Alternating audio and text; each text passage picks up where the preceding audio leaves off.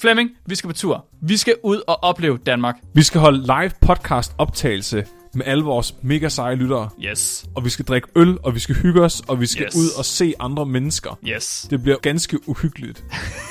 Uhyggeligt. Uhyggeligt. Hvis Ja. jeg står og ser skræmt ud, så må jeg meget gerne komme op og age mig i skægget. Og det kan I gøre i København til to shows den 14. april kl. 16 og kl. 19. Og I kan gøre det i Aarhus den 27. april, og I kan gøre det i Odense den 28. april.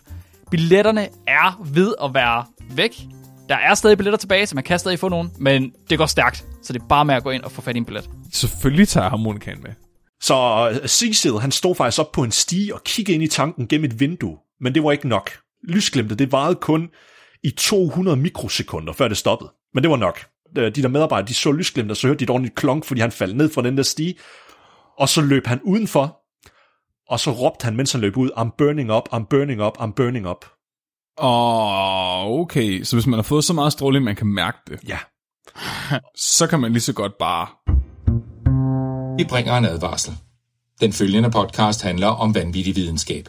Al forskningen, der præsenteres, er 100% ægte og udført af professionelle. Mark og Flemming står ikke til ansvar for eventuelle misforståelser, men minder jer om, at de altid har ret. Husk at være dumme.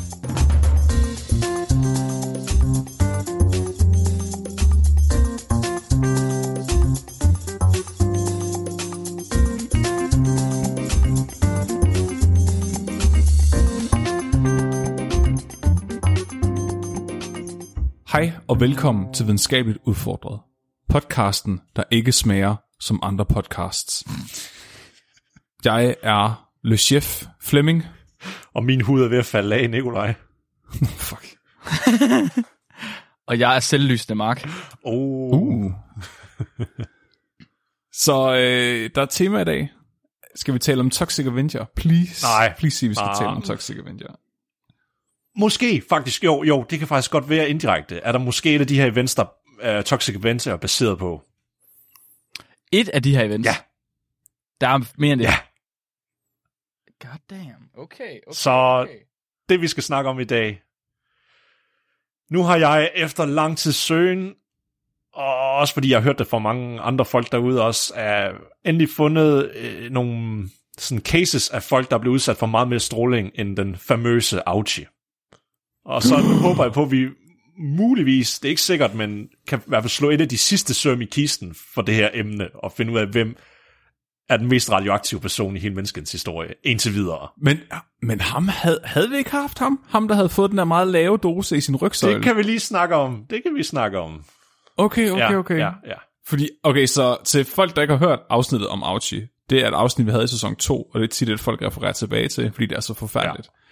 Handler om den her japanske mand, der øh, ved et uheld på et atomkraftværk fik en latterligt høj dosis af radioaktiv stråling, som burde have slået ham ihjel på ganske få dage, men man besluttede sig for at holde ham i live i, i over en måned mm. for at, at teste på ham.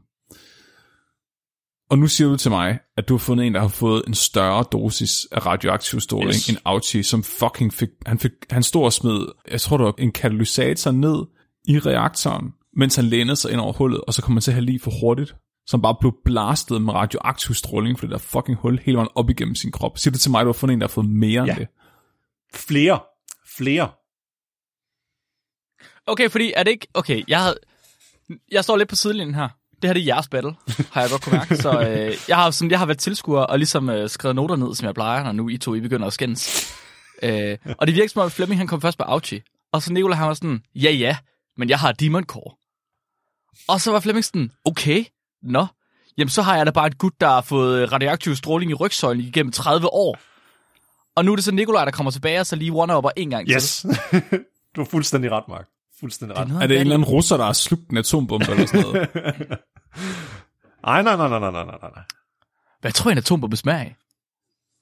Salt lakrids.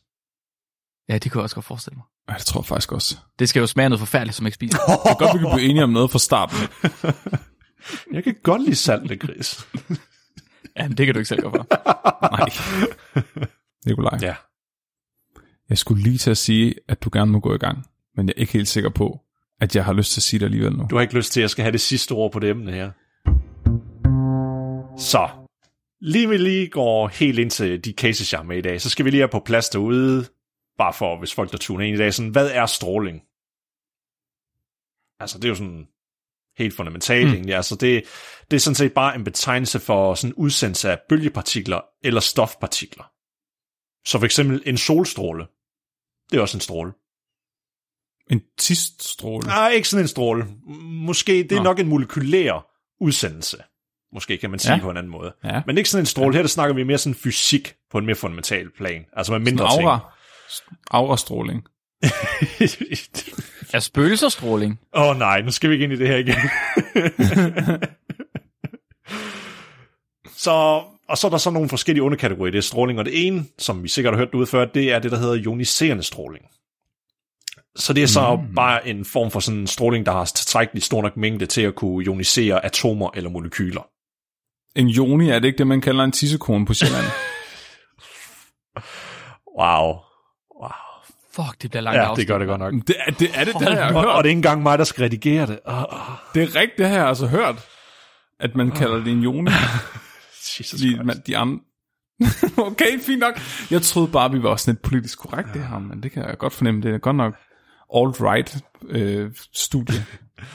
Og så eksempler på den her form for sådan ioniserende stråling, det er så det, ligesom vi får fra solen, når vi går udenfor, så det er UV-stråler, I sikkert har hørt om, så det er røntgenstråler, som når I på hospitaler skal have taget røntgenfotografier, eller noget andet, der hedder neutronstråling, som er lidt mere sådan noget, vi ikke så støder på så meget til hverdagen. Og så er der selvfølgelig radioaktiv stråling. Og her der er der mm. de der kendte tre kategorier, hvor det er alfa, beta og gamma. Og alfa er sådan set bare det, der svarer til to protoner og to neutroner, så det er faktisk bare en heliumpartikel, der bliver sendt afsted rigtig hurtigt, og så smadrer den så ind i dine atomer eller molekyler, og så slår dem i stykker. Uh. Ja. Og det er så derfor, vi får de her skader fra stråling. Og beta, det er altså bare elektroner, der bliver sendt afsted, og gamma, det er sådan set bare lys, altså en fotonpartikel. Bare ekstrem høj energi. Mm. Ja. Og det, der så karakteriserer det er, når du går højere op ved alfa, selvfølgelig, de bliver stoppet rigtig simpelt. Du kan stoppe det med et stykke papir eller din hud, nemlig beta skal lidt mere, og gamma, det er der, hvor vi begynder op at skære sådan af blyplader og sådan noget, nemlig. Men, men, men det, der faktisk er virkelig sjovt ved det, det er, at den, mest, den er de her strålingstyper, der har den største ioniserende effekt på sådan biologisk øh, ting, altså væv og sådan noget. Det er faktisk alfastrålingen. Og det bringer os lidt tilbage til den gang, du snakkede om øh, Albert Stevens, Fleming, i et forrige afsnit. For ja, han fik jo plu- var det ham, der fik han, det i rygsøjlen? Ja, han fik plutonium ind i sig, og den imiterer alfa. Så det er derfor, det er okay. så nastigt at få uran og plutonium ind i kroppen, fordi alfaen er den værste, når den endelig kommer ind. Og det er den, der var heliumkerner? Øh, ja. Ja. ja. Så, og så er der også lige en anden ting, jeg lige have, vi lige skal have på plads, inden vi går videre, fordi øh, i et afsnit, der hed... Øh, det der afsnit, vi havde for lang tid siden, hvor jeg snakker omkring uh, den der dæmonkerne, hvor de legede mm-hmm. Cowboys med dem i Los Alamos, der snakker vi også om det, der hedder criticality, eller en kritisk masse egentlig. Og sådan kort, hvad det egentlig er, det er sådan set, øh, hvis der du har et radioaktivt øh, materiale, så bare hvis der jeg havde en klump uran, der bare lå på et bord, hypotetisk ja, hypotetisk set, hypotetisk set, så hvis den bare ligger der, så vil den sådan set bare kun udsende alfapartikler. Altså alfastråling. Det er det, uran gør, det går plutonium også. Men afhængig af, hvilken form den har, volumen og densiteten, så kan den gå i forskellige kritiske tilstande. Hvis den går bare det, der hedder kritisk, så, vil det faktisk, så er det faktisk det samme, som der sker i en atomreaktor, hvor det er en, øh, en fission, så den spalter sig selv, men den løber i en lineært forhold, det vil så sige, at den ikke forøges i, hvor hurtigt den foregår. Det er hele tiden den samme en til en. Så er der en, der bliver spaltet, så er der en til. Så den stiger ikke eksponentielt. Men hvis du så begynder at bombardere den med neutroner, og det var det, der skete ved Demoncorn, så stiger det eksponentielt, og så er det der, det begynder at blive endnu mere farligt. Mm. Ja, og det er faktisk det, der sker i en atombomb. Det den går superkritisk. Nogle gange synes jeg, at markeren er lidt superkritisk over mig. men det, men det, er også, det er også farligt, når den bare går kritisk, fordi så begynder den også at udsende. Så udsender den ikke længere alfastråler så begynder den at udsende gammastråler og neutroner. Uh. Så man, den skifter faktisk ja. fra, fra det ene til ja. det andet? Okay, det vidste jeg og, ikke. Det og det er fordi, når det er ustabilt, så, så spalter uranatomet sig selv til dens to henfaldsprodukter, og samtidig med det, så bliver det udsendt gammastråling, som der nok er den, ja, den værste af dem, teoretisk set. og så neutronstråling. Og neutronen, den går en, og så rammer den så det næste uranatom, og den spalder sig så på grund af det. Men den kan så også ramme os, den her neutron.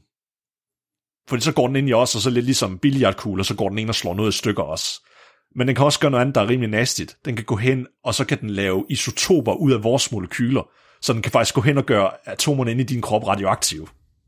Fordi uh. den tilføjer en ekstra neutron, og så får vi det, der hedder isotoper.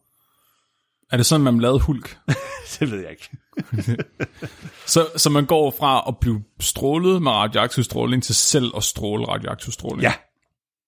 Og det, og det, det er en af grunden til, at folk, der har ligesom Auchi, de faktisk er lidt øh, radioaktive bagefter, højst sandsynligt. Fordi hmm. der er så en molekyl, der er blevet radioaktiv. Så det er derfor, man altid øh, viser folk, der har været radioaktive, som om de smitter. Det er ja. fordi, at de, altså, de er blevet ioniseret på en eller anden måde, eller øh, de får en ekstra neutron i nogle af deres atomer, så derfor så kan deres øh, atomer også udsende Ja, lige præcis. stråling. Okay, sejt. Så derfor radioaktivt affald også er det tøj, arbejderne har haft på, når de arbejder med reaktoren. Sådan handsker og sko og biler ja. og... Altså det, det er ikke altid øh, neutron, det er også det andet, men så vidt jeg har forstået, den der smitter mest, hvis man kan kalde det sådan, det er i hvert fald nok neutronen, fordi den kan ændre selve atomerne i et andet stof egentlig, til de bliver radioaktive. Og så begynder mm. at henfalde. Så, så kulstof i din krop, det bliver til kulstof 14 for eksempel, kan det godt blive til, hvis du bliver bombarderet med neutronstråling. Oh, okay, okay, prøv lige at overveje det her. Så kulstof 14 er det, man bruger til karbondatere ting, der har været levende, for at finde ud af, hvor gamle det er. Så for eksempel gravbalmanden. Mm. Så, og det gør, det gør man jo baseret på, at man ved, hvor meget kulstof 14 der forekommer naturligt. Så kan man se, det langsomt henfalder, og så kan man ligesom regne tilbage. Hvis nu man er blevet udsat for radioaktiv stråling, så man har alt for meget kulstof 14, vil man så ikke fuck med arkeologer i fremtiden, så vil de jo tro, man er meget jo, nyere jo. end man Og der er. er en cut-off date for, hvornår man kan bruge kulstof 14. Fordi lige siden, ja. da de lavede atombomtestene, alt efter det, det kan de ikke længere gøre, fordi vi har fucket vores dateringssystem op nu. Så der er en cut-off. Er ja, så fremtidige mennesker, de vil aldrig nogensinde kunne datere den her periode, vi er i nu, fordi vi har fucket atmosfæren op med de uh, isotoper, der er i den på grund af atomprøvesprængninger. Jeg elsker det 20. århundrede. Hold kæft, hvor har mennesket ødelagt så meget i løbet af det 20. århundrede. Vi har bare, vi bare fucking bumpet hele jordkloden i stykker. Sådan, jeg skal fremtid arkeologer kunne vide, hvor gamle vi er. Nej, fandme nej. Aldrig nogensinde. Vi brænder alt. Put alt også... på VHS-bånd, og så kørt magnet hen over båndene. Yes, okay, så, så det vil sige, at vi har, vi har tilføjet en hel masse kulstof 14, som gør, at det ikke længere er pålideligt at datere ting, der dør fra nu ja, af. Ja, fordi i, i naturen er der jo den der, der er en ratio mellem isotoperne, mm. der forekommer naturligt. Den har vi fuldstændig skewet, altså fuldstændig ødelagt. Og det er smukt. Ja. Men så prøv, så prøv at overveje, hvis man nu, hvis man nu kommer til at kontaminere øh, eksisterende fossiler, med radioaktiv stråling, mm-hmm. men man så ikke kunne ændre det, det kulstof til kulstof 14 også. Så hvis man nu kommer til at lave en atomprøvesprængning lige ved siden af det allerbedste fossil masseudryddelsessite nogensinde, som aldrig nogensinde kunne datere det. Tror du? Man kunne også, man kunne også blive historieterrorist. hvis, du lige, hvis du gik rundt med en øh, plutoniumstang i lommen. Oh, og så, gik så lige rundt, og så... op i røven på gravballemanden. præcis, præcis. Stak den op i alle, alle mulige historiske fund. han, er kun, han er kun fem år gammel. Hvad? Ja. Han er, han er fra fremtiden. positivt. Men du skal også, du skal på en eller anden måde have foreslået dem, at de skal, du ved, kulstofdatere ham igen. Sådan lidt, du er nødt til at prikke til en og sige, hey, hey, har du øh, tænkt på, om øh, man, vi faktisk havde ret i, hvor gammel han var? Det kan være, at du lige skal tjekke efter igen, Henning. Eller kan du bare sige, jeg har den her nye fancy metode, der er kommet. Jeg synes, du skal prøve at dobbelttjekke dateringen. Ja. At, okay, det, det kunne være, fordi ellers det virker rimelig suspekt, ja. hvis det er dig, der foreslår det. og du ved, det er også dig, der altid går rundt i den der store trenchcoat, med, der lyser grønt. og kaster op. og kaster og strålesyge. så det absolut sidste lille hurtige briefing-materiale, vi går igennem, det er så al den stråling, vi skal snakke om i dag, den øh, oplyser jeg i en enhed, som der hedder Sivert. Det er nok den moderne bedste enhed til effekten af stråling på biologisk væv. Og for at sætte det i perspektiv, så cirka 4-5 Sivert, det er det, der hedder en LD50. Det vil så sige, at der er cirka 50%, hvis du får 4-5 Sivert, så er der 50-50 for, om du overlever eller ej. Så mm. 10 Sivert, det er sådan set en dødsdom.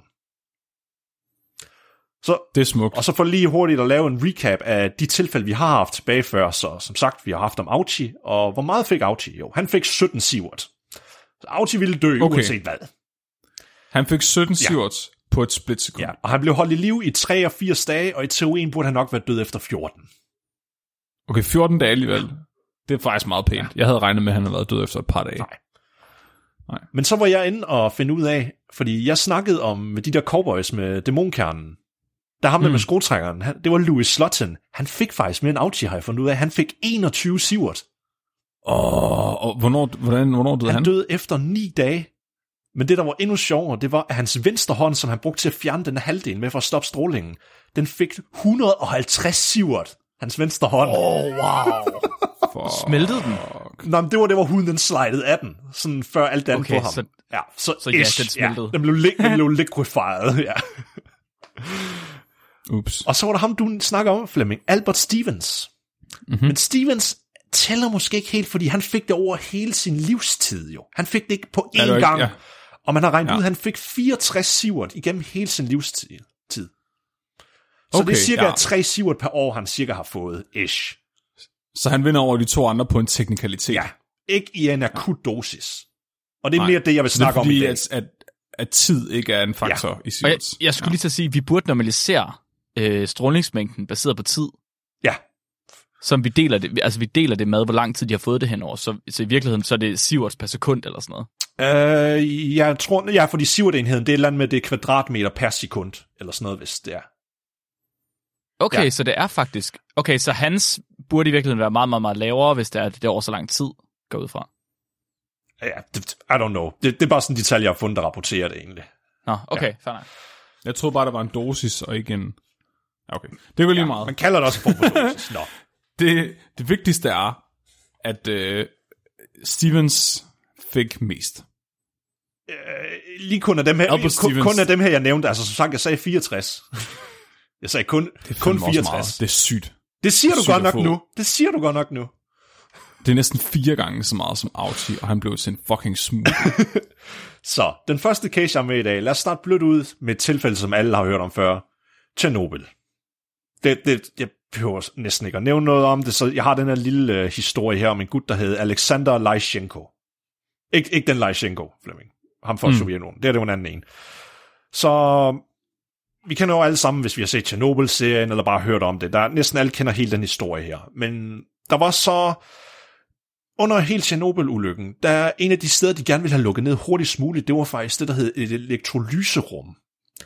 Og så spørger man sig selv, hvad fuck er det? Jamen, det er virkelig et sted, hvor de sådan spalter vand for at kunne få brint og oxygen. Men hvad fuck skal de bruge det til?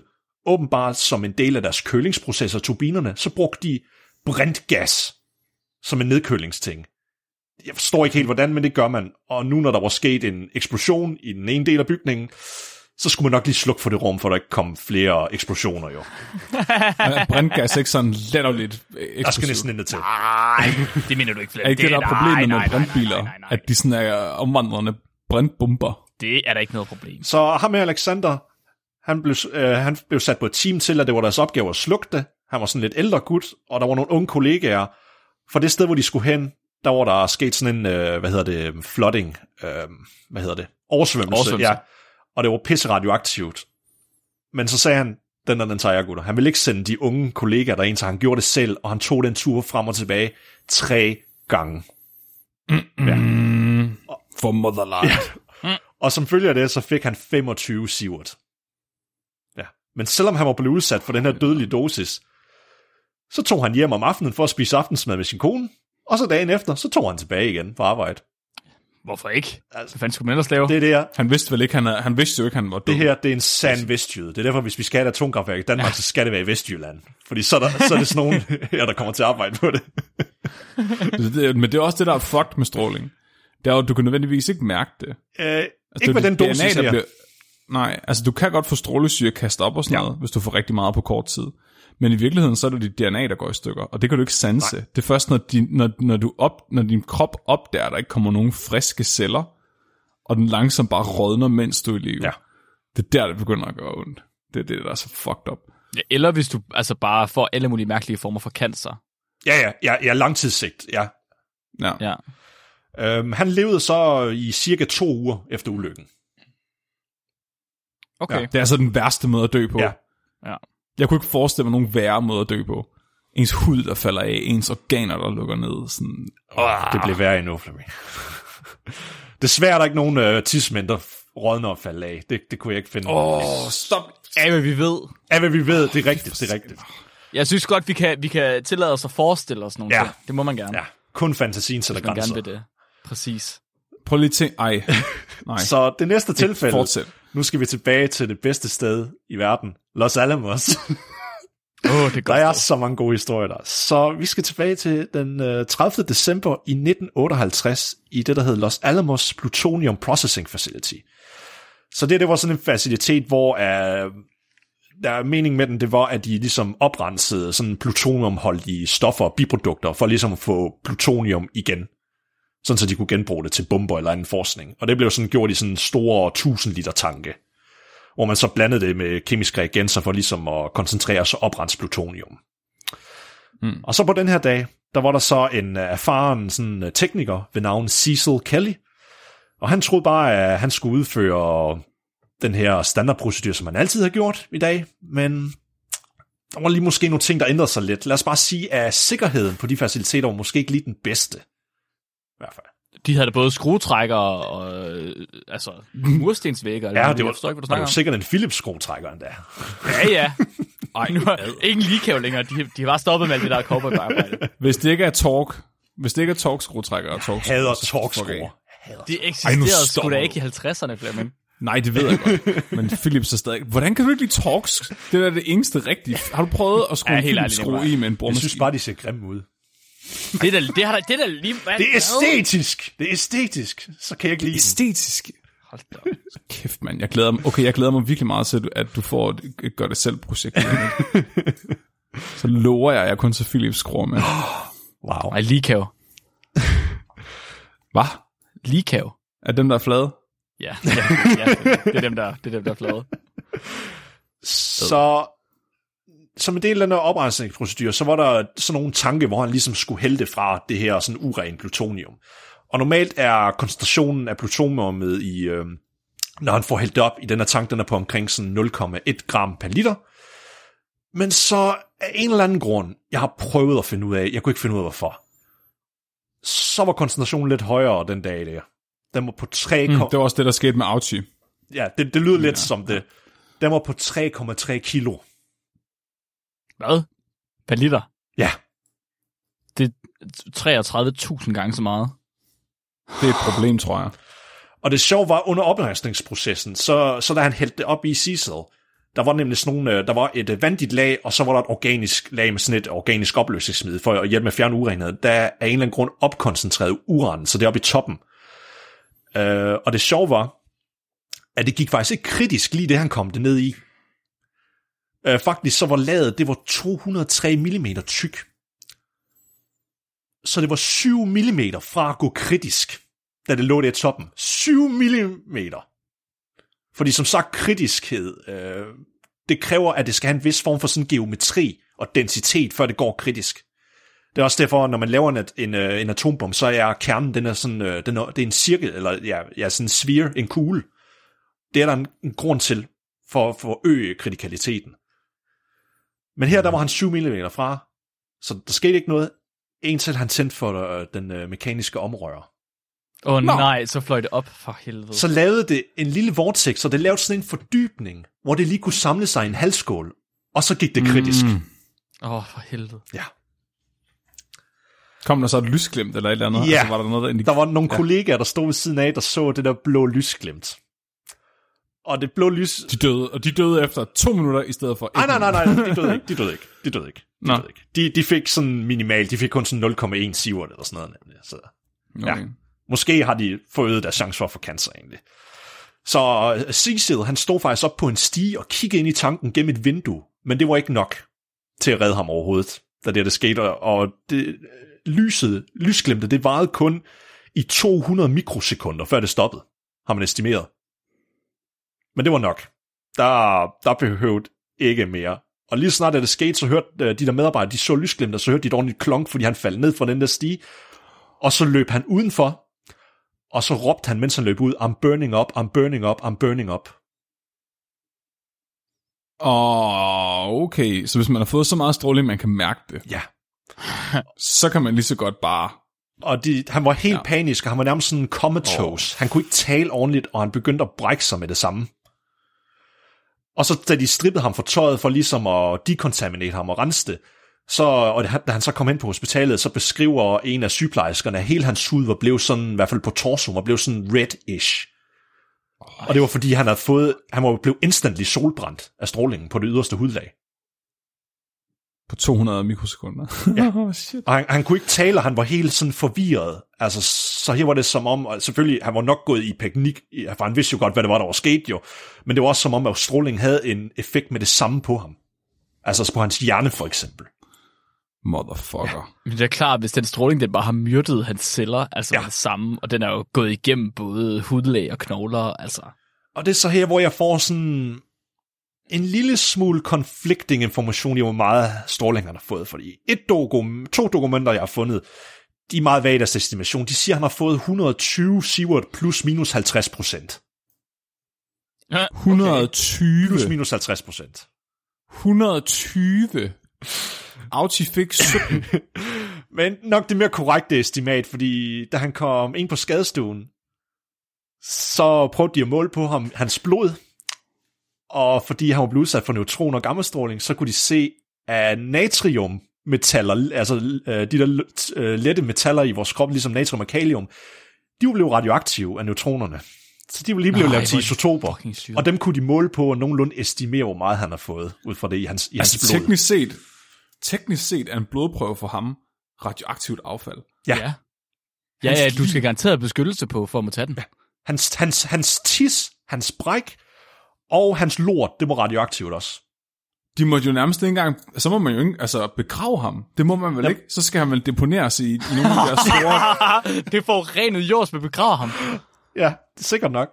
Han fi- det er starten på Return of the Living Dead 5. Men Nikolaj, hvad sker der med, hvilken form for henfald laver kalium og natrium, når de bliver radioaktive på den måde der? De får en ekstra neutron, så de bliver en isotop højere? Jeg går ud fra, at det må også være alfa, så det er endnu værre, når det er inde i kroppen. Wow, okay, så de smider en proton. Altså de største en af dem, fordi det plejer tit at være sådan, at de mest radioaktive stoffer, det er dem, der henfalder inden for millisekunder. Og så er det overstået. Ja. Hvis de har en pisse lang henfaldstid, så er det som regel alfa. Ja, okay, og, jeg, og jeg skal lige være med igen. Ja. Alfa, det er helium. Ja. Og beta er elektroner. protoner. Nej, elektroner. Elektroner. Ja, eller, elektroner. eller positroner okay. kan det være. Okay, ja. så øhm, hvis du smider en hel helium, og det er ikke kun protoner, vel, så de bliver ved med at henfalde, fordi de bliver ved med at være radioaktivt. Ja, fordi det er en halveringstid jo. Nå, nej, jeg tænker sådan, at når de smider en hel, Nå, ja, ja. så går de jo to stadier ned. Ja, ja. Right? Ja. Og så er det vel bare en radioaktiv, øh, nu kan jeg ikke huske, hvad de to er. Nej, jeg, jeg, jeg, 23 ja. eller sådan. Jeg kan heller ikke helt huske deres henfaldsmønster, egentlig, hvordan det er. Jeg tænker bare, om ikke, du ved, det sætter altså en kædereaktion, men du ved, det bliver ved med at henfalde, og så bliver det til et nyt atom, som så også kan henfalde. Og så videre, det kunne jeg forestille mig, men på et eller andet tidspunkt, fordi det er jo lidt ligesom med, at energien kan ikke fortsætte, så på et tidspunkt, så den, den heliumkern, der bliver udsendt, den vil have så lidt energi kinetisk, at den næste ting, den bomber ind i, ikke er nok til at kunne gøre det ret. Okay. Og, kunne jeg forestille mig, den mister jo stille og roligt momentum over tid jo. Altså, ja, den okay. dissipater energien jo. Ja. Uh, så, ja, så det kunne jeg forestille mig, det sådan tager tid, men jeg, jeg tror, at, at natrium og kalium, de nok er alfa emitters, kunne jeg forestille mig. Det kan også godt være, de er beta. Jeg går ikke ud fra, jeg tror ikke, det er gamma, men, men det gør det bare endnu værre, hvis det er alfa og beta, når det er inde i kroppen. Ja. Og de, de sagde også, at uh, da han kom ind, så, og det er det jo sådan få timer efter, at det her lige er sket, så begyndte hans læber at blive sådan blålige og lilla, og det gjorde hans hud også. Og det var simpelthen fordi, han havde så lidt ilt i blodet, at han begyndte at, at sådan køle ned. Hans kropstemperatur, den faldt. Så de blev nødt til at stille sådan nogle flasker med varmt vand udenom ham, for at holde hans kropstemperatur op.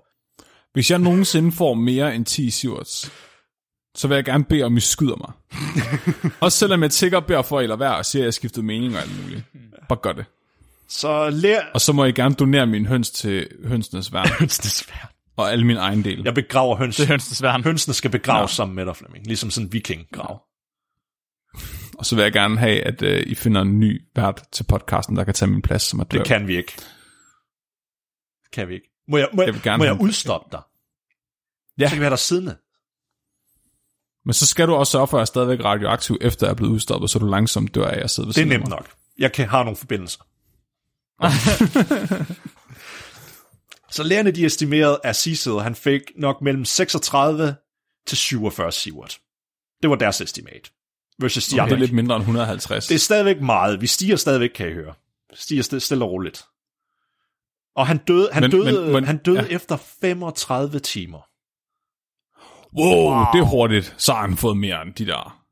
Så har han, så har han været til Det ved jeg ikke, 100, fordi han var faktisk... Du vil lægge mærke til, at nogle af dem, det er som om, det er meget individuelt. At jeg kan se, fordi øh, vi kommer også til at møde nogen, der har fået højere stråling, men er døde måske ikke...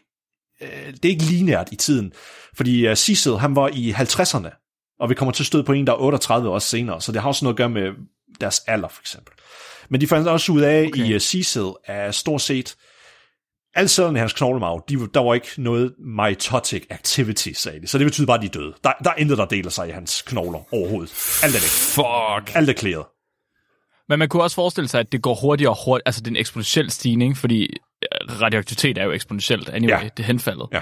Så man kunne forestille sig, at des mere du får, des hurtigere dør du eksponentielt. Det, jeg- derfor, jeg, nu når jeg sad og læste op på det, så fik jeg det tankeeksperiment om, hvad ville der ske, hvis nu en person fik en akut dosis på sådan 10.000 sievert, vil du så bare dø instantly? Jeg troede, Bare faktisk, at, jeg troede faktisk, at nogle af de glimt, vi har hørt om, at de var nok til, man døde instantly. Åben, jeg er sådan ja. overrasket over, at der ikke er nogen endnu af dem, vi har hørt om, som bare, du ved, er smeltet. Jeg tror, det var der nogen, der, da Chernobyl den sprang i luften, nogle af dem, der døde instantly, men der har man bare ikke rigtig kunne estimere det, kunne jeg forestille mig måske. Men har det ikke også lige så meget været på grund af chok? Jo, eller varmen. Selve eksplosionen. Også, ja, ja, præcis. det tror jeg. Har I nogensinde spillet uh, Red Alert? Det der uh, strategispil Ja. tilbage fra 0. Ja, Jeg, gik op efter, jeg gav op efter et kvarter. Der er sådan en uh, sovjetisk karakter, der har sådan en uh, ingen raygun. Det er sådan en, de er, alle, de er alle sammen radioaktive fra Er Sovjetunionen. det ikke Tim Det. Curry, der er ham? Nej, det er den Okay, nye, jeg tror, det er de- den nye, jeg tror, de er det, det er Red Alert 3, der er Nå, Tim Curry. okay. Ja. Men, men der har de sådan et våben, hvor man skyder med sådan en, en stråle af en eller anden art, som så gør, at folk de smelter. Og jeg forestiller mig, at det var sådan en radioaktivitet, det fungerer. ja, de smelter sig sådan noget grønt, øh, fluorescerende goop i spillet. ja, ja, præcis. Men det er jo også, altså, jeg tænker, at få radioaktiv stråling i så høj dosis, at man rent faktisk vil smelte, vil højst sandsynligt alligevel være i kontekst af en atombombe, hvor du så brænder op i stedet for. Ja, Ja. Så kan vide, altså hvis man nu opstillede forsøget rigtigt, hvis man nu bare tog en høne, eller nej, et ærn, og, så, altså, og så bare gav den stråling nok, uden at, uden at lave en kritisk øh, tilstand.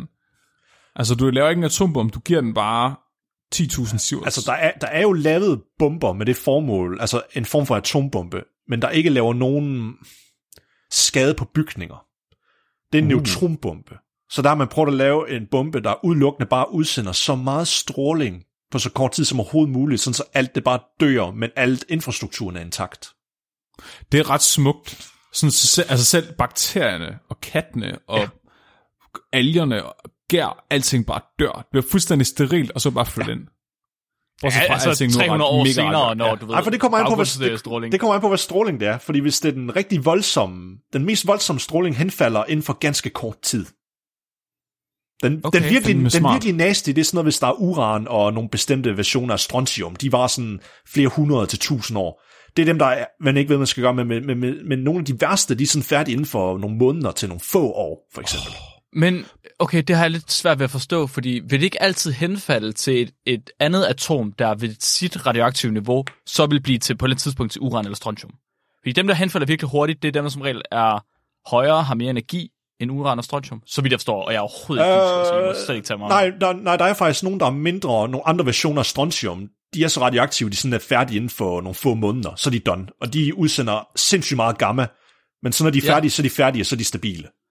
Men okay, øhm, men den gammastråling, de udsætter, den foton, de udsætter, den kan så ikke, den kan ikke ionisere, eller den kan ikke ændre på isotoptallet på andre molekyler så. Det kan selvfølgelig ikke, fordi den tilføjer ikke masse, så det bliver jo ikke til, Men den kan stadig, godt, den tilføjer kan, bare energi, så de vil få ting til at fluorescere, hvis det den var. kan stadig godt ionisere i hvert fald. Men jeg ved ikke, om den godt kan tilf... Det kan godt være, den kan det egentlig. Det er et godt spørgsmål, Max. Det har jeg ikke tænkt over egentlig.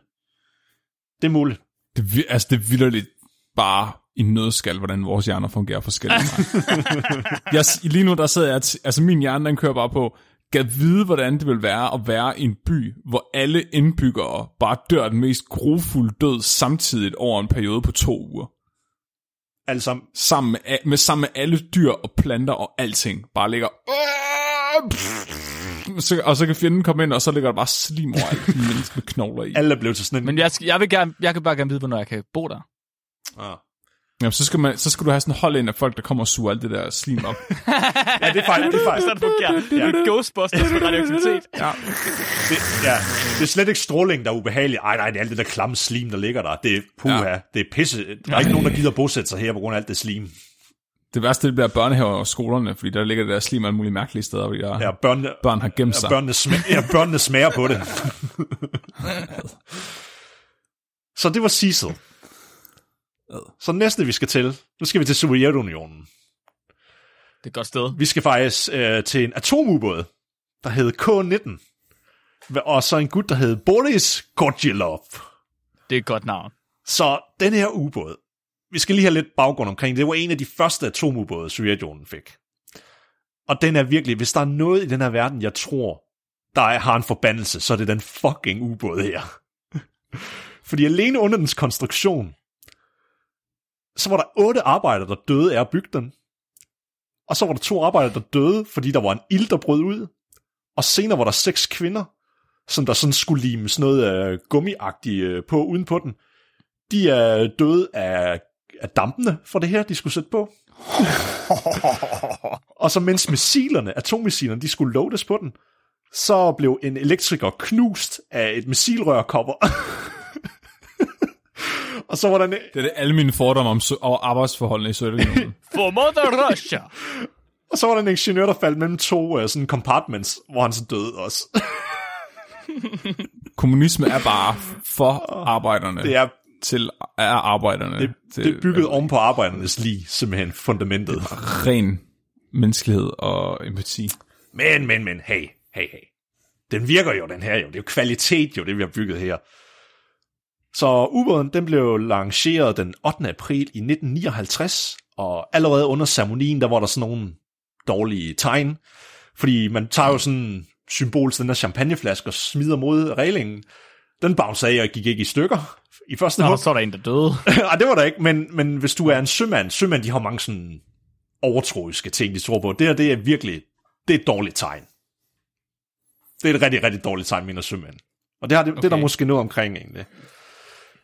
Så under en af dens første rejser, den 4. juli, eller den 4. juli 1961, så begyndte der at stige et, et voldsomt, eller trykket inde i atomreaktoren, begyndte lige pludselig at stige voldsomt. Og kølesystemets måler, den faldt til 0. Nå, Øh, nå. Nå. Uh, der var en stor lækade i uh, kølingssystemet ind til atomreaktoren. Nå, er der ikke et backup-system? Nej, det havde de ikke lige fået installeret. Det mente de ikke var nødvendigt. Ups.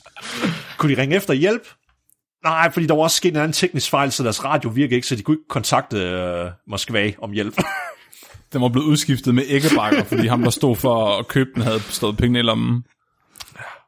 Og det, ja, den, den var simpelthen blevet beskadiget af, af reaktoren. Den øh, var sat ud af spil. Egentlig. Der var åbenbart sket nogle ting. Faktisk, reaktoren den, den begyndte faktisk at stige temperatur helt op til 800 grader. Så det var lige ved, det var lige ved grænsen til, at, at uranstængerne, altså de der fuel rods, de begyndte at smelte derinde. Okay, de skal have fundet en måde på, at vi bliver nødt til at køle en reaktor hernede, ellers så kan den, så kan den lave en, en øh, dampeksplosion, og så ryger vi alle sammen. Igor, pis i tanken. Pis i tanken. Just pour it in the vodka. But sir, we have nothing to drink then. Pour it in the vodka. We, then we explode. ja, den der en der, I would rather die than pour out the vodka. Så kaptajnen han beordrede hans øh, ingeniørhold til, at de skulle lave sådan et, et makeshift kølesystem. Koste hvad det koste ved. Og den eneste måde på, at de øh, sådan fik en hurtig plan, hvad de kunne gøre, det var, at de blev nødt til at koble deres vandforsyning ind til det, for at kunne køle det med det vand jo. Men så blev de nødt til at åbne en til en ventilationssystem. Og det ventilationssystem, det var et lukket system med det vand, der fordamper ind ved reaktoren, og det er jo radioaktivt, det damp, og det cirkulerer rundt. Så det blev lukket ud i hele ubåden i besætningen. Ja, mens de lige hurtigt skulle gøre det her, mens de skulle skifte og svejse det sammen, det her nye øh, kølingssystem. It's raining death. Halleluja. Og så har jeg nogle udtalelser fra kaptajnen, fordi han overlevede, sjovt nok egentlig. Nå ja, det var det vigtigste. Så han skriver, At one point, I thought of going down to my cabin, drawing my pistol, and finishing all of my problems at once. Nå, Han, han, ja, han vidste ikke rigtig, hvad fanden der skulle ske her. Det er fuck, det er fuck it.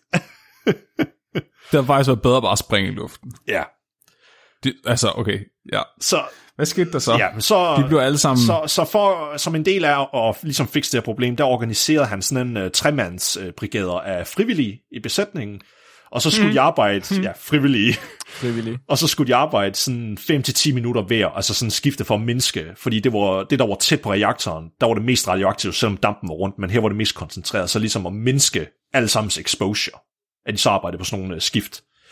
Og de var kun beskyttet, jeg ved ikke hvorfor de ikke havde bedre udstyr med, det var kun regnjakker og gasmasker. Hvor er det russisk?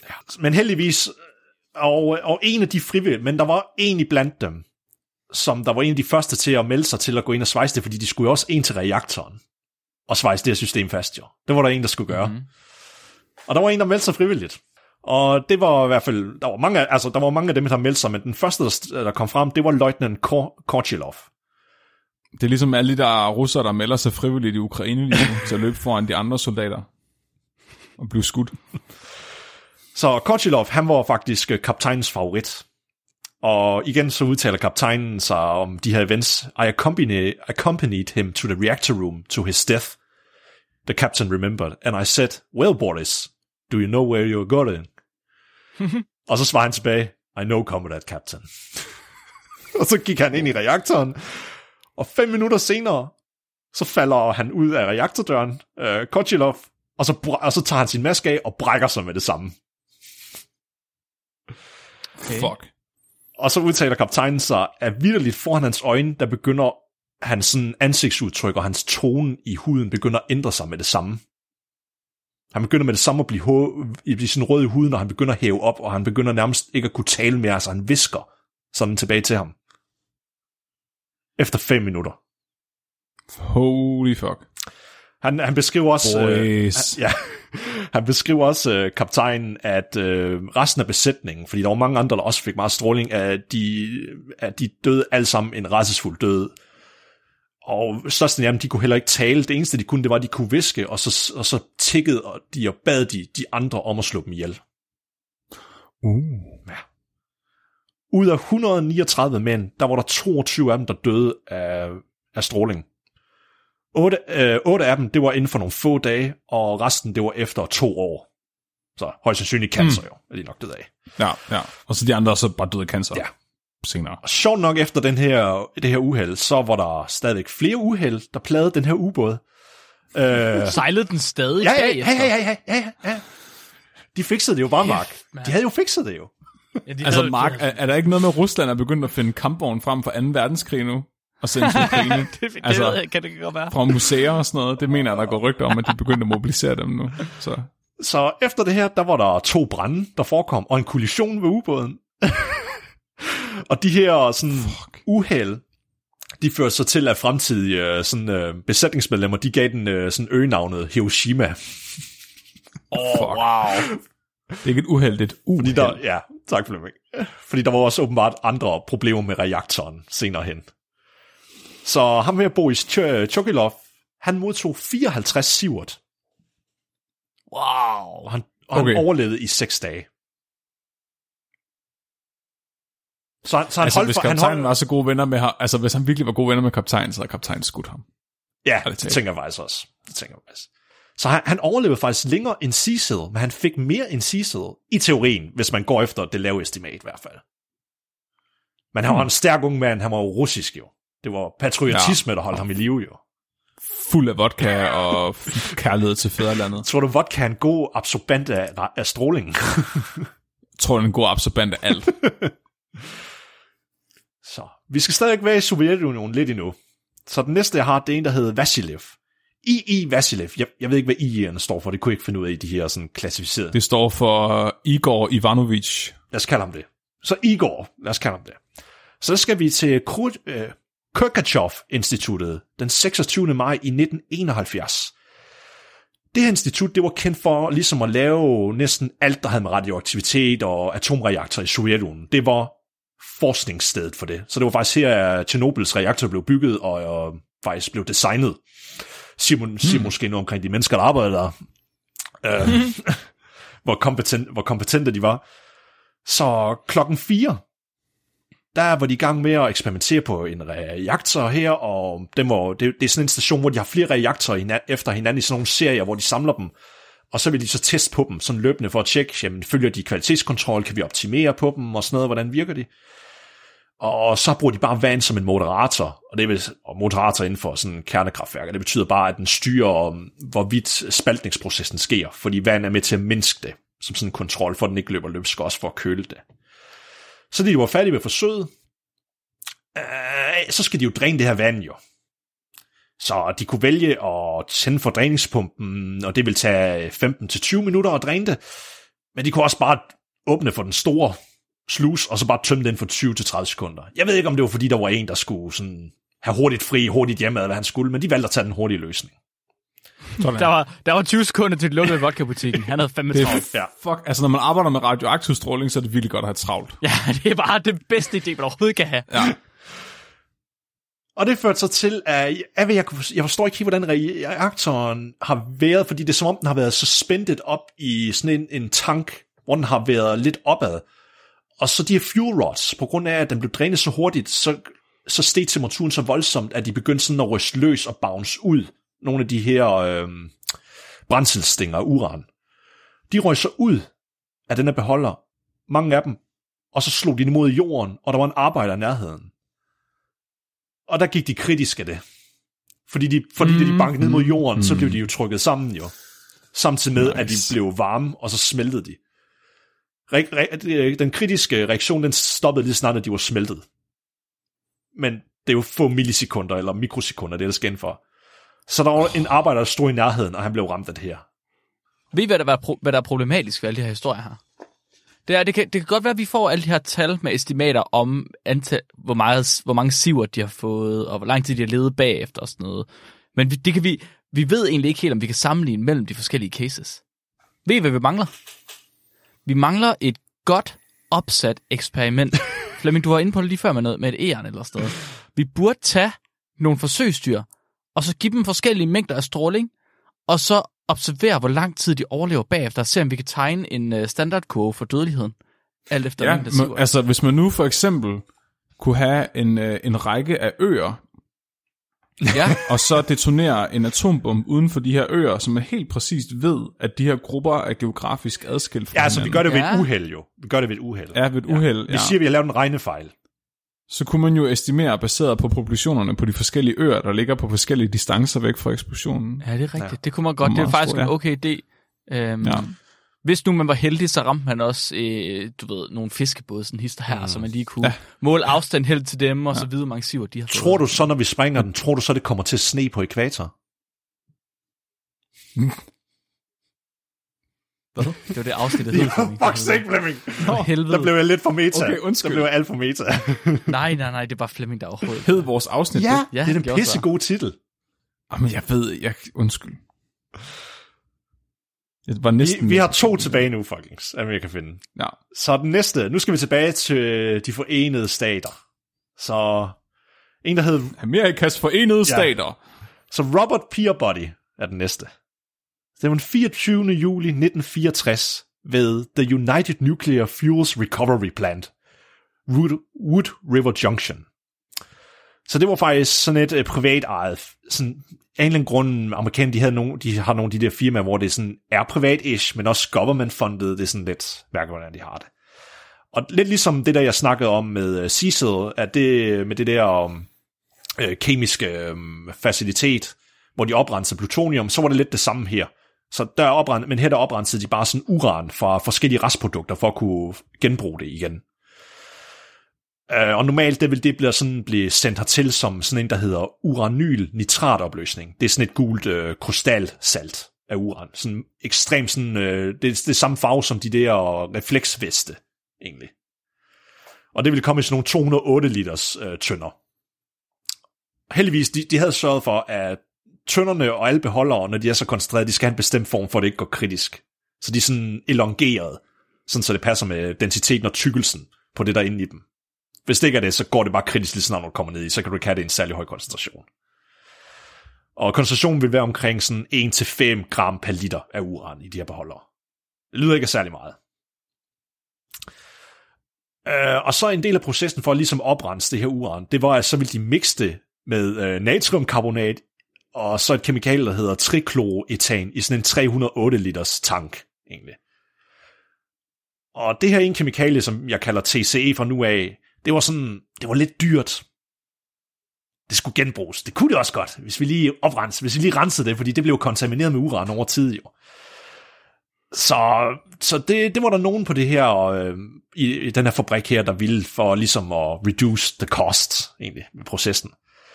Øh, men de har fået at vide af deres supervisor, okay, det må I gøre, men det må ikke exceede 200-800 parts per million.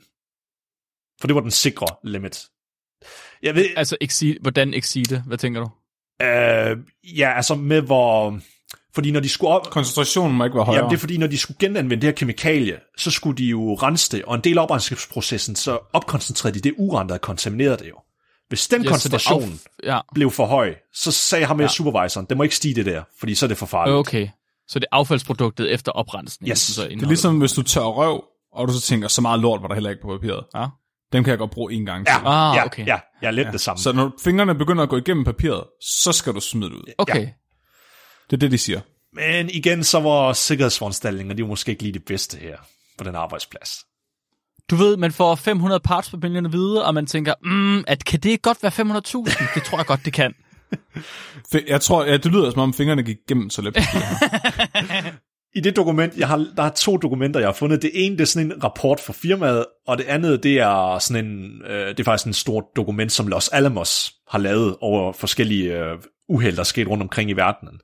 Og der siger de også, at regeringen, altså der er sådan et regulatorisk væsen, der skal gå ind og godkende de her procedurer. Den her renseproces for at genanvende det her, det var ikke blevet godkendt overhovedet.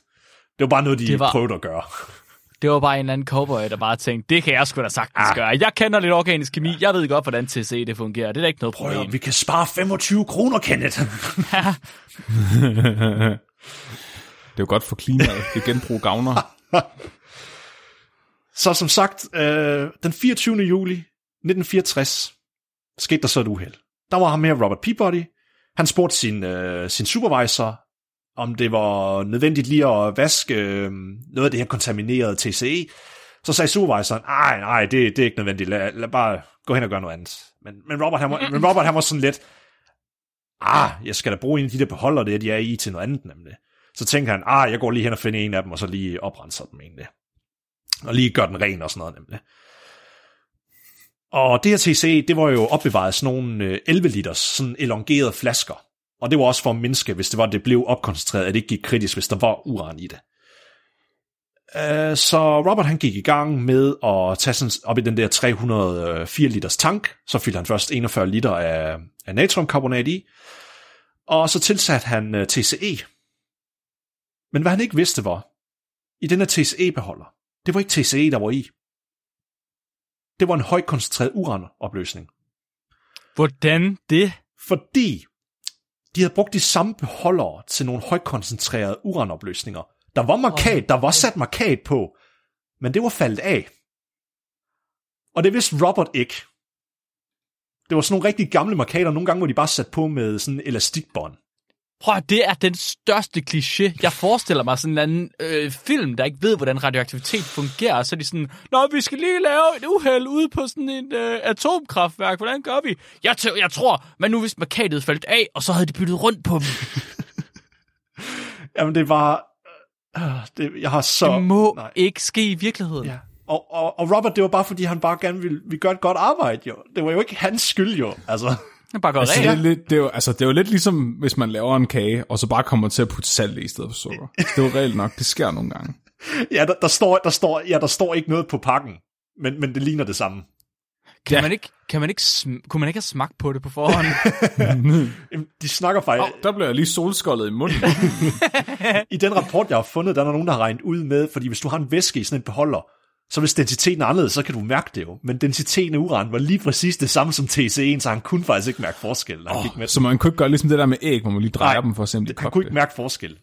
Og han, og han, og han, Hvis jeg drejer den, og den, og den, går- og den går i kritisk stadie, så er det sådan, radioaktiv. Hvis den blinker, så er det den forkerte. Ja, hvis du ser et lysglimt, så er den kogt.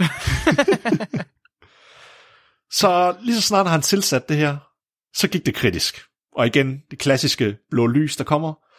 Men af en eller anden grund, jeg ved ikke hvorfor, jeg ved ikke om det er natriumkarbonaten, der begynder at boble op, eller hvad det er med uranen, men 20% af opløsningen, det splattede ud på væggen og loftet, og på Robert.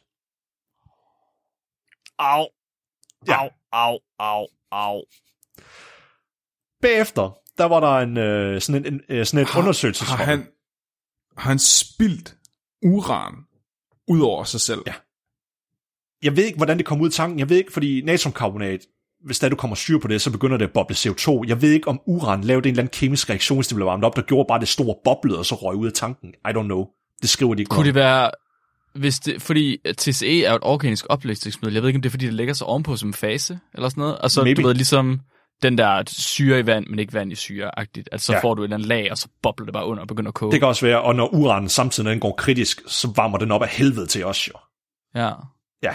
Det kan også være, det strålingen, der har gjort, at natriumkarbonat er spaltet, og så blev til CO2-gas. Mm. I don't know. Mm. Ja. Det, det, der var i hvert fald 20% af den her tanks indhold, og det var en tank på 304 liter. 20% af det, det røg op på loftet, væggene, og noget af det på robotters. Undskyld, fik han held, øh, sprøjtede der 60 liter kritisk radioaktiv opløsning ud over hele det rum, han var i. Ja, og det her, hvor jeg tænker, det her det er Toxic Avenger, Flemming. Det er jo en tredjedel badekar. Toxic Crusaders, Toxic Crusaders. Men desværre, Robert, Robert blev ikke til en til en, eller til en, øh, hvad hedder det, en muteret superhelt. Eller antihelt, skulle jeg nærmest sige. Ah, det kommer an på, om du tænker på den originale øh, live-action-film, eller om du tænker på tv øh, barne Den originale. Den originale. Selvfølgelig, tak. Så der var sådan et, en, uh, sådan et undersøgelseshold, der kom ind for at finde ud af, hvad, hvad var der sket her. Uh, og de fandt så ud af, at... Uh, Jeg får, undskyld, jeg forestiller mig bare en eller anden gut, der bare kom forbi, og sådan, det her det er Carsten, han kigger lige, hvad der sker. Det ser ikke så godt ud, det skriver lige ned. ja. Ligner lort. Mm-hmm. og, så, og, Skal der være grøn væske over det hele? Jeg forstår det ikke. og så lige snart han går forbi Robert og kigger på ham, carry on, carry on. Ja. Og så går han bare videre. Du har vist holdt din pause i dag. Så de fandt ud af, at der var åbenbart øh, havde været sådan 2,8 gram uran i den her tank, da den gik supergris. Det lyder ikke af mega meget. Jeg går ud fra, det tal, det må have været per liter, eller sådan noget, går jeg ud fra. Jeg er ikke helt sikker. Jeg sagde, sagde du ikke før, at koncentrationen, de var blevet enige om at være 1-5 gram per liter? Ja, det var de tyndere, Øh, som de det, var, det var standard, men der var en højkoncentreret koncentreret version. Åh ja, undskyld. Okay. Nej, det står her, den højkoncentrerede, som han ikke vidste, det var, det var 256 gram uran per liter, der var i dem. Okay, Ja. Så det, det, var, så det, det var efter, den var fortyndet i tanken. Det her 2,8. Ja. ja. yes, okay. Jeg kan altså virkelig anbefale øh, den originale Toxic Avenger-film til derude. det er en kæmpestor øh, mutant i en iført et balletskørt, der dræber øh, småkriminelle med en gulvmoppe. Jeg ved ikke, om det ville have været en værre skæbne for Robert, end det, som vi- der vent, eller det, der kom ventet ham. Altså, hvis jeg kunne blive Toxic Avenger, så sagde jeg tak. Du har også lige sagt, at du godt skyde dig, hvis du når der til. Så sagde du også ja tak, ja. Vi kan jo ikke regne med, hvad nej, du nej, siger, nej, jo. fordi han er jo ikke døende. Han, han transcenderer. Det ved du da ikke. Du sagde bare 10 sivert, så skal vi skyde dig. Vi ved jo, hvor mange siver at Melvin han har fået. I, Jeg tror, øh, det kræver mere end 10. Jeg tror også, Robert han har fået mere end 10. Så måske i virkeligheden, så det I burde gøre, det var at putte en uranstav op i røven på mig, bare for at sørge for all the way, ikke? Ja, Det må være, der, må være et, der må være et sweet spot.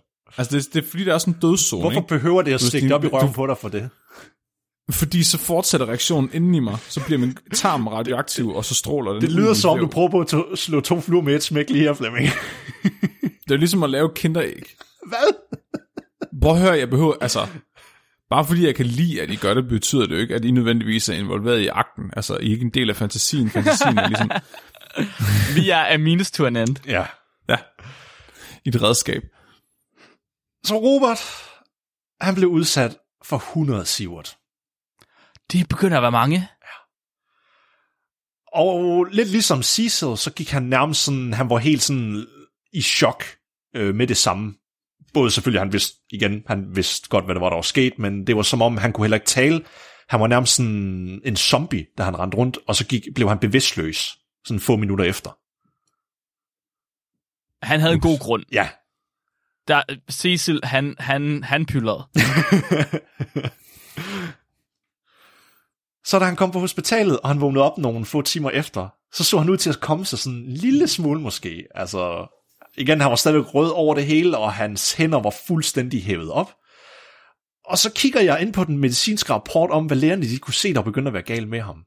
Der er det åbenbart noget, der hedder, jeg ved ikke, hvordan det skal udtales, jeg er ikke læge, det hedder sådan odema, som er væskeansamling. Det var overalt på hans hænder, det var derfor, de var hævet op. Fordi væsken fra cellerne var sprængt, og så begyndte de bare at ligge væske ud i vævet udenom. Det er ligesom, når du får en blege, nej, hvad hedder det, sådan et brandvabel, for eksempel. Og så stille og roligt, så begyndte han at gå sådan i uh, sådan et, uh, hvad hedder det, i sådan hjertestop over tid. Han begyndte vildt bare at falde fra hinanden, altså total organ failure inden for sådan uh, kort tid egentlig. Efter 49 timer, så døde han. Så han overlevede alligevel længere end Cecil, selvom han fik meget mere end Cecil. Hvilket er rimelig utroligt. Men, så skal vi finde ud af, hvad er der sket med ham, efter han er død, for nu kan vi finde lidt mere ud af det. Gennem alle termerne, jeg kunne se de listede lægerne, så alle sammen det nævnt noget med det her odema, det her væskeansamling eller væskeudslip. Det var i hjertet, det var i lungerne, det var i leveren, det var i tarmen, så vildt, han er bare begyndt at liquefy over det hele. Han er faktisk smeltet. Ja, Åh, altså, han er blevet til en menneskesmugler. altså den der hinde, der er uden på hjertet, var simpelthen begyndt at bare blive til væske og lægge væk. Og det var det, de mener, der nok har gjort, at han gik i cardiac uh, arrest. Okay, nu... Så i sidste uge, der snakkede vi om at spise lort Ja, i et kvarter eller sådan noget. 10 minutter. Hvad, altså, hvad, hvad skræmmer flest lytter væk? er det det her, eller er det at spise lort? Det er jeg lidt nysgerrig på. er det en ny ting altså, til det- den der disgust scale? Hvad finder du mest ulækkert? Er det lort eller stråling? Mm. Ja, så vi, vi helger det også ved at sørge for, at vi finder noget, alle kan finde frastødende på ja. et Ja. eller andet tidspunkt. Så de eneste, der hører podcasten til sidst, det er dem, der ikke har nogen... Nogen skrev til mig, at de ikke kunne lide historierne med kranier, der blev renset, og overrevne grævlinger og sådan noget. Så der er nok nogen, der synes, det her er ubehageligt. Jeg er ikke en af dem. Jeg synes, det er meget interessant, meget spændende. Og jeg, så jeg er øh, helt sikker på, at det er meget vigtig viden for menneskeheden at have, hvor mange sivert, der skal til, før folk de smelter. Ja, det er, jo- altså, det er jo ikke, fordi vi synes, det her det er underholdende. Nej, Jeg synes, det er meget spændende. det gør vi. det er interessant på grund af det data, det rummer. Ja. Ja, ja, ja. Så. Men vi har en tilbage, gutter. Det kan godt blive værre endnu. Oh, nej. Det kan blive værre. Ja. Det, kan, du kan, det kan simpelthen blive værre, at en person smelter. Oh, hold, hold my beer, sagde Ivanovic, da han så Boris. Vi skal faktisk tilbage til Rusland igen. Selvfølgelig skal vi det. nej. Jeg må lige pointere, at det dokument, jeg har fundet omkring det, jeg har ikke helt udtømt det. Der er rigtig mange flere af de her criticality øh, uheld, men jeg har mest taget dem, hvor jeg faktisk kunne få nogle tal på, hvad der rent faktisk var sket, og hvad der var sket med dem af medicinske rapporter. Så den næste, en der hed Anatoly Bogotsky. Så den 13. juli 1978 var der den her 36-årige russiske forsker, øh, og han skulle ja, så Budorski, han skulle være en person, der kom til at opleve noget meget, meget specielt. Han arbejdede som en øh, fysiker ved øh, Instituttet for High Energy Physics i Plovdiv, som er i Rusland. Og specifikt så arbejdede han med en øh, partikelaccelerator. Så på den her dag, der havde acceleratoren sådan nogle tekniske problemer. Så Anatoly, han gik ned for at se, okay, hvad der er galt, så jeg lige hurtigt fikse det, og også bare for at finde ud af, hvad fanden er det også, der er galt, egentlig lige troubleshoot det. Og for at finde ud af det, så blev han nødt til lige at stikke sit hoved ind i øh, partikelaccelerator-røret. Som man jo gør. Ja. Som man jo gør. Så man, man har den her, den her bane, hvor der er partikler, der flyver rundt med næsten lysets hastighed. Så tænker man, der kan da godt stikke hovedet ind. Det kan da godt bare lige kigge på, hvad der er. Det er så dumt, som at kigge ned i løbet på en riffel, mens man har ladt den. Hold, det kan bare ikke... Man kan ikke være fysiker med en PhD og arbejde ved en partikelgenerator, eller partikelaccelerator, og så tro, man kan kigge ind i fucking løbet på sin partikelriffel. Jeg ved godt, hvis jeg husker at være dumme. Ikke så dum. Måske ikke så dumme. ikke please lad være. Jeg ved ikke, om det hjælper, at han var phd studerende En lille smule, men stadig. Så til lytter derude, øh, bare lige for at I er med, i, i sådan en partikelaccelerator, ligesom der er øh, ved CERN, øh, når de accelererer, ligesom Mark, Mark han sagde, at de bliver accelereret sådan rimelig tæt til lysets hastighed, og som regel er det protoner. Og stråling, i bund og grund af stråling, det er sådan set bare atomare partikler, der bliver sendt virkelig hurtigt afsted. Så det er lidt ligegyldigt, om det er en neutron, en foton eller hvad det er. Hvis du sender hurtigt nok afsted i lysets hastighed, så skal det nok lave skade på alt, hvad det rammer. Det er ligesom at have sådan et, et, et donutformet hul under jorden, Ja, hvor, der, hvor den fiser rundt i cirkler, og så fiser den bare hurtigere og hurtigere og hurtigere rundt. Og så er der nogle fysikere, der sidder, åh, oh, det går godt hurtigt der. Se lige de her målinger. Det Hvad sker der, hvis de rammer hinanden? Lige præcis. Det er faktisk endnu værre. De får dem til at, de ødelægger faktisk protoner ved at støde ind i hinanden, og så finde ud af, mm. hvad, hvad sker der. Kys! Kys! Kys, protoner, kys! Men hvad uh, Anatoly han ikke vidste, det var, at reaktoren, den kørte stadigvæk. Ja, selvfølgelig fucking gjorde den det. Selvfølgelig havde han ikke været hen og kigge på, om den store røde knap, den lyste. Jo, jo, jo, jo, fordi den lyste jo ikke jo. Men det var fordi fra tidligere forsøg, der havde de ikke husket at tænde for den igen. Ej, nu kæft. Hold nu fucking... Den er selvfølgelig også manuel. Det er selvfølgelig en knap, man er nødt til sådan lige... Åh, oh, forresten, der er nogen, der er herinde. Jeg tænder lige for kontakten. Men øh, øh, Bugowski, han, øh, han har faktisk udtalt sig om, hvor, fordi det er også et spørgsmål, jeg havde på hovedet, første gang jeg læste det her. Hvordan føles det? Eller hvad så du, Mm. Når du kiggede den? Så har han udtalt sig om, at han følte ikke nogen smerte, da protonstolen den ramte ham. Faktisk så, så sagde han, øh, at han så et lys, der var mere klart end tusind sol. Det er også bare den lille proton direkte gennem hjernen på dig. Så øh, det viser sig så, jeg har været inde og se på, jeg vil lige hen og regne lidt om, hvad det var, han blev udsat for, fordi de oplyste det i sådan en lidt gammeldags måde. Uh, Bogorski, han må blive udsat for 2.000 til 3.000 sivert. Ups. Den der protonstol, den fæs lige igennem hovedet på ham. Hvordan kunne han nå at udtale sig om, hvordan han oplevede Åh, oh, det? kommer vi til, Flemming. Det kommer vi til. Der var nogen, der bare løb direkte hen og spurgte ham, og så smeltede han. Det, det, det sjove var, i modsætning til Robert og Cecil, så begyndte han ikke at blive svimmel eller sådan rigtigt efter det her, så lige efter det, det var sket, så besluttede han sig bare for, det fortalte han ikke til nogen, om det her lille uheld. uh, I stedet for, Det havde jeg fandme heller ikke gjort. Fuck, bare, det er Flemming-agtigt. fuck, fuck, fuck, fuck, i fuck. stedet, Jeg har ødelagt det her. Bare der ikke er nogen, der finder ud af det. Okay, jeg lukker døren og kører hjem. Du skal da klare med phd student også, men er så bange for at lave en fejl. Ja, ja. så i stedet for, så gjorde han bare lige arbejdet færdigt. Så skrev han det ned i sin lille øh, journal, om at han øh, havde været nede til acceleratoren i dag og lige øh, fikset det. Og, og så tog han hjem igen, og så ventede han bare på, at symptomerne de kom. Ej. Han har været på det, så han har godt vidst højst sandsynligt, hvad der Høj, højst sandsynligt egentlig.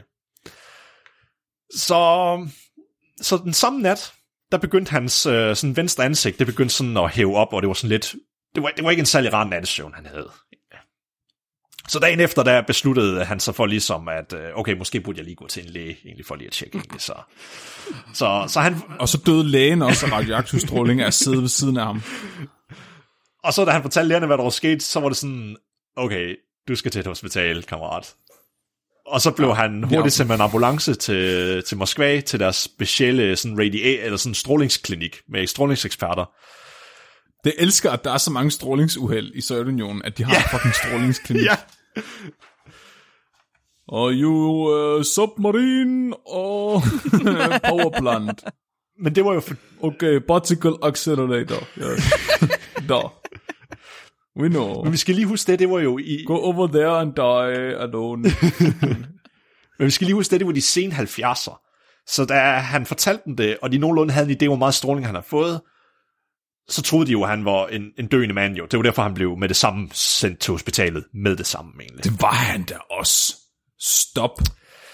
Så lige der, hvor den her ramt, den er sådan cirka um, nogenlunde, I, I kan prøve at slå hans navn op, så der er et diagram, hvor der er, hvor strålen ramte og passerede igennem. Så den ramte nogenlunde lige her i venstre side ved næsen, og så passerede den ud bag ved hans hoved.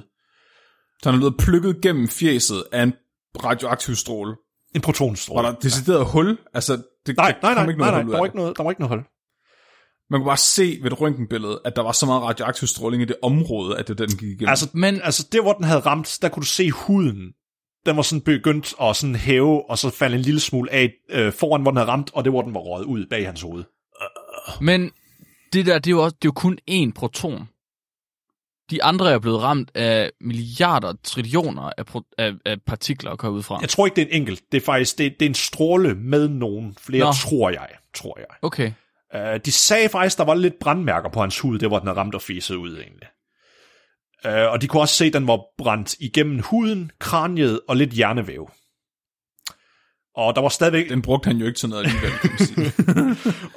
han har protonform, pro- et, et proton, et hul med en diameter som proton gennem sit hoved.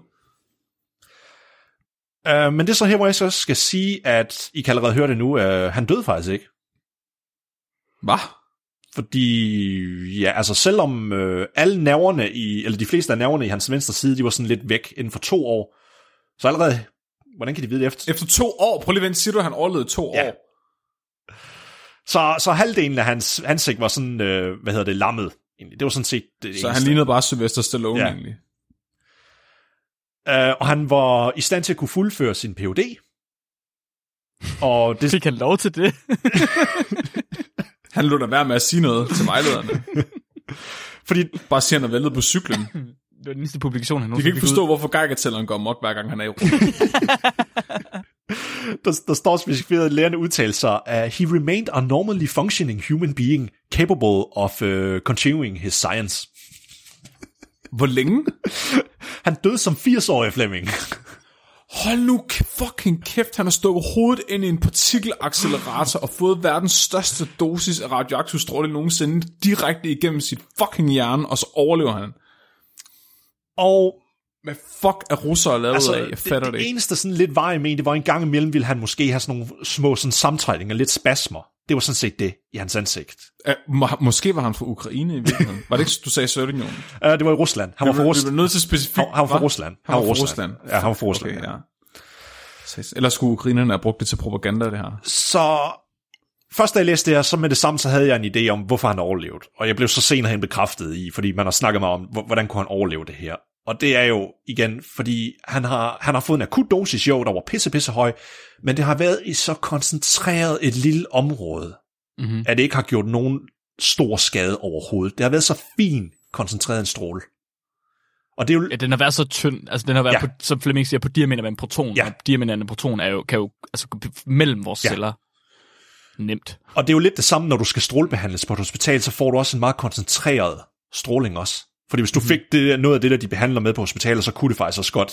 Nogle har, gange har jeg hørt, I må ikke lige koge mig for det, men jeg så et hurtigt estimat, nogle gange kan det godt ligge tæt på 1-2 sievert, men det er et meget koncentreret område. Men det er også derfor, jeg ikke helt forstår den enhed, Sivert. Fordi hvis du siger, at det er areal over tid, hvordan kan, altså, så forstår jeg ikke, hvordan... Hans areal har jo været mega, mega, mega, mega lille. Og alligevel så har han fået 2-3.000 Sivert. Det er per tid i anden, hvis jeg lige husker rigtigt. Så det, ja, så det er meter opløftet i anden per sekund opløftet i anden, hvis jeg lige husker Så rigtigt. fordi, at, så fordi, fordi det er gået så hurtigt ved ham, så vil dosen, du ved, Sivert-tallet kunne blive så højt, selvom arealet, han har fået det over, har været så lille. Ja, åbenbart. Ja. Fordi de andre har jo fået det over et meget større areal. Ja. De har jo stået og kigget ned i de der ja, de har fået det tanke, sådan over ansigtet, og størstedelen af deres torso blev sådan exposed. Ja, og så har de, men så til gengæld fået det over længere tid, og derfor så er Sivert-tallet så blevet lavere, I guess. Ja, Jeg er phd studerende jeg behøver ikke forstå enheder. Nej, det er klart. Ja, så ham her kan jeg i hvert fald sige, at han nok er den, der blev udsat for mest af, hvad jeg kunne finde definitivt og dokumenterede tilfælde. Og det var det, jeg havde. Jeg vil, jeg vil, jeg vil indrømme, jeg, vil indrømme jeg, jeg tror, at vi er nødt til, vi, vi er nødt til at lave en ny enhed. Det er da ikke god nok en enhed her. Vi er nødt til at, at sætte os ned og så finde ud af, hvad er en bedre enhed, end den, de bruger her. Vi har masser af data nu. Vi har masser af mennesker, der er døde af stråling, og, og vi ved, hvad de har fået i Sivert. Så er det bare at regne om. Vi ved, hvor lang tid det tog for dem at dø. Det, må- det skal hedde en flammert. en, En flammert. eller en, en, hvor mange ouchies. Åh oh, Ja. ja, åh oh, ja, som ære for ham, ja. Det kunne faktisk være rigtig godt. Så en ouchie, det er så 17 sievert. Er, er det sådan? Ja. Men så, Ja. ja. så, så, så, så, så, så er der, hvor mange nøfler, hvor mange nøfler kød taber du inden for det første døgn. Ah, Ja. ja. Og så skal du bruge håret fra en 9-årig pige til at måle størrelsen på indgangshullet. Ja, af strålen, Ja. hvor efter du så øh, smager på vævet, og, og så rater personen på den døde babyskala. Ja. Det, er, Og så ja, til sammen, så får du en, en, en, en Auchi-score. det lyder allerede som en meget mere præcis score. Jeg er ret sikker på, at vi nemt kunne øh, korrelere den til, hvor lang tid det tager for folk at dø. Hvis du smager som en toer på død babyskaler, så tager det dig fire dage at dø. Ja. Fucking hell. Det var fuck, det var, det var sindssygt, Nikolaj. Ja, Det er imponerende. Ja, stråling er virkelig underligt. Ja. Det er virkelig, virkelig underligt, og det er virkelig uhyggeligt. Jeg synes, det er fucking creepy, at vi bare, altså, at vores sanser har udviklet sig til, at det er ikke et problem. Radioaktiv stråling, det er, det er, der er så lidt af det, det er overalt omkring os, der er ingen grund til, at vi kan sanse det på nogen måde. Så det er derfor, det er bare fuldstændig usynligt for os, både øh, med vores øjne, vores ører, vores næse, vores mund. Der er ikke noget, der kan opfange det, fordi det er så ligegyldigt i naturen. kan- Og så, så tænker vi mennesker, uh, uh, bum. Altså, der er jo måder, du godt kan opdage det på indirekte. Altså, hvis du kan lugte ozon et sted, og det ikke har tordnet. Og Du kan også, hvis, hvis, Men det er jo ikke strålingen, jamen, du kan lugte der. astronaut, Er det ikke- Astronauter kan se kosmisk stråling, hvis de lukker øjnene. Så kan de se sådan nogle hvide okay. glimt, selvom de lukker øjnene, og det er stråling, der går ind og interagerer med receptoren, eller ja, ind i øjet. Så Men der er er alligevel en lille smule. Men det er jo også fordi, visuelt lys er også stråling. Ja. Altså, så jeg ved ikke helt, om det gælder. Jeg ved ikke. Ja. Så jeg tænker, hvis vi får lov til at lege med atomkraft og atomvåben i nok år, altså giv lige en million år, så begynder dyr i naturen at udvikle evnen til at, at detektere radioaktiv stråling, så de kan fucking undgå os. Altså, der er jo nogen, der kan det. Har du ikke hørt om det, der hedder radiotropiske organismer? Mm. Er det Godzilla? Ish. Og hulk. Ja. Der, er- der er nogle svampe, øhm, som der lever inde i øh, Chernobyl-reaktoren, og de bruger radioaktiv oh, ja. stråling til øh, som en energikilde. Fuck, svampe, de er så syge. Kæft, tak for det, Nikolaj. Jamen, øhm, jeg har et lytterspørgsmål til jer, hvis I er klar. Yes. Mm-hmm. Dal F. Daniel spørger, skal man putte vand på tandbørsten før eller efter man putter tandpasta på? Efter. Begge det er jo dele. efter. Begge dele. Ej, nu holder du kæft. Hvad er det for nogle freaks, der putter vand, putter tandpasta på en tør tandbørste? Ja, det er altså mærkeligt. Men det bliver, det bliver, Det er du gør det jo alligevel vådt. Who cares? Du, du, Ej, Nikolaj. du, du putter vand på for at vaske den.